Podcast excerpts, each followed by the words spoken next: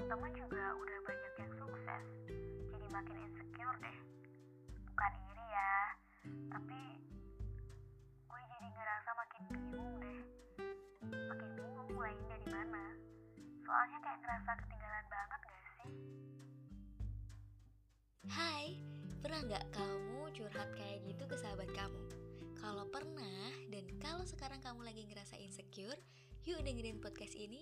Siapa tahu setelah kamu mendengarkan podcast ini, kamu bisa menurunkan kadar keinsecurean dalam hidup kamu. Oh iya, kenalin, aku Asirahma Ayu, tapi aku lebih nyaman dipanggil Ara. Dan sekarang, kamu lagi dengerin podcast Call Friend. Aku pengen ketika kamu mendengarkan podcast ini, kamu ngerasa kayak lagi dicurhatin aja gitu. Dan kalau kamu mau curhat juga boleh loh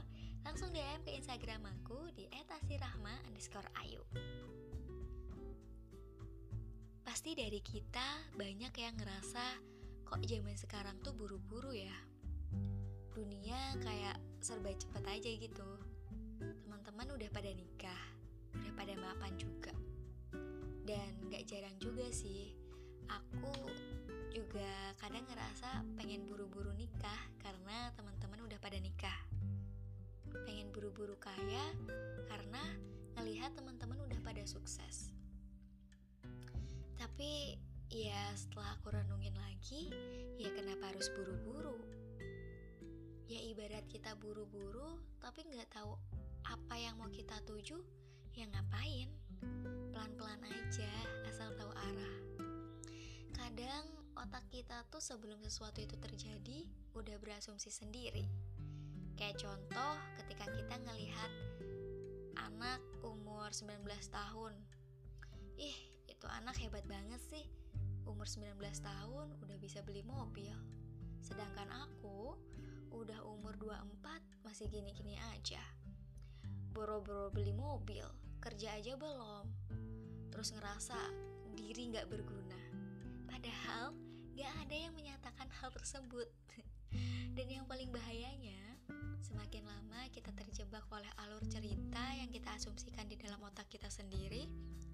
semakin lupa pula bahwa asumsi itu adalah buatan kita sendiri dan menjadi benalu dalam pikiran kita. Tapi, walaupun asumsi itu sepenuhnya buatan kita sendiri, bisa muncul semau kita, tapi asumsi muncul bukan secara alamiah aja loh. Tapi kadang gak bisa kita hindari juga dan jatuhnya jadi overthinking. Kalau kamu lagi ngerasa insecure, gak apa-apa kok, wajar.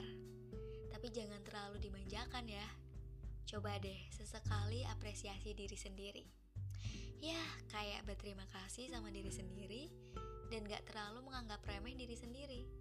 Klasik sih, tapi agak sulit untuk direalisasikan. Emang ya, proses perubahan dari kecil menjadi dewasa emang agak kurang nyaman. Kalau kata buku segala-gala ambiar, katanya gini nih. Inilah kenapa tidak ada perubahan tanpa rasa sakit.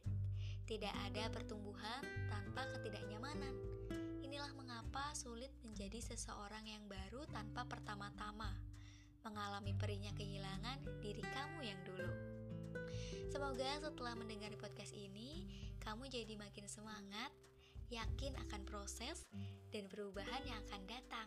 Tetap positif thinking dan jangan pernah berhenti untuk berusaha, karena tidak ada sukses tanpa usaha. Terima kasih ya udah dengerin podcast ini, dan see you di episode berikutnya.